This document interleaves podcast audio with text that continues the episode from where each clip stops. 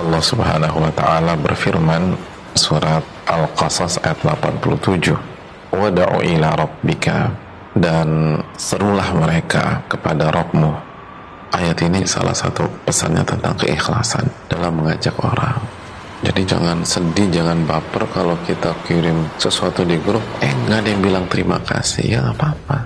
Kan tujuannya bukan cari ucapan terima kasih. Kok udah nggak pernah posting lagi, kan bagus postingan kamu di grup kita. Bisa nggak ada yang respon? Loh, kita berdoa tuh bukan biar direspon. Dan belum tentu orang yang nggak respon kepada kita itu nggak ngamalin itu. Ada orang-orang memang nggak aktif di grup, tapi dibaca dan kalau memang benar diamalin sama dia.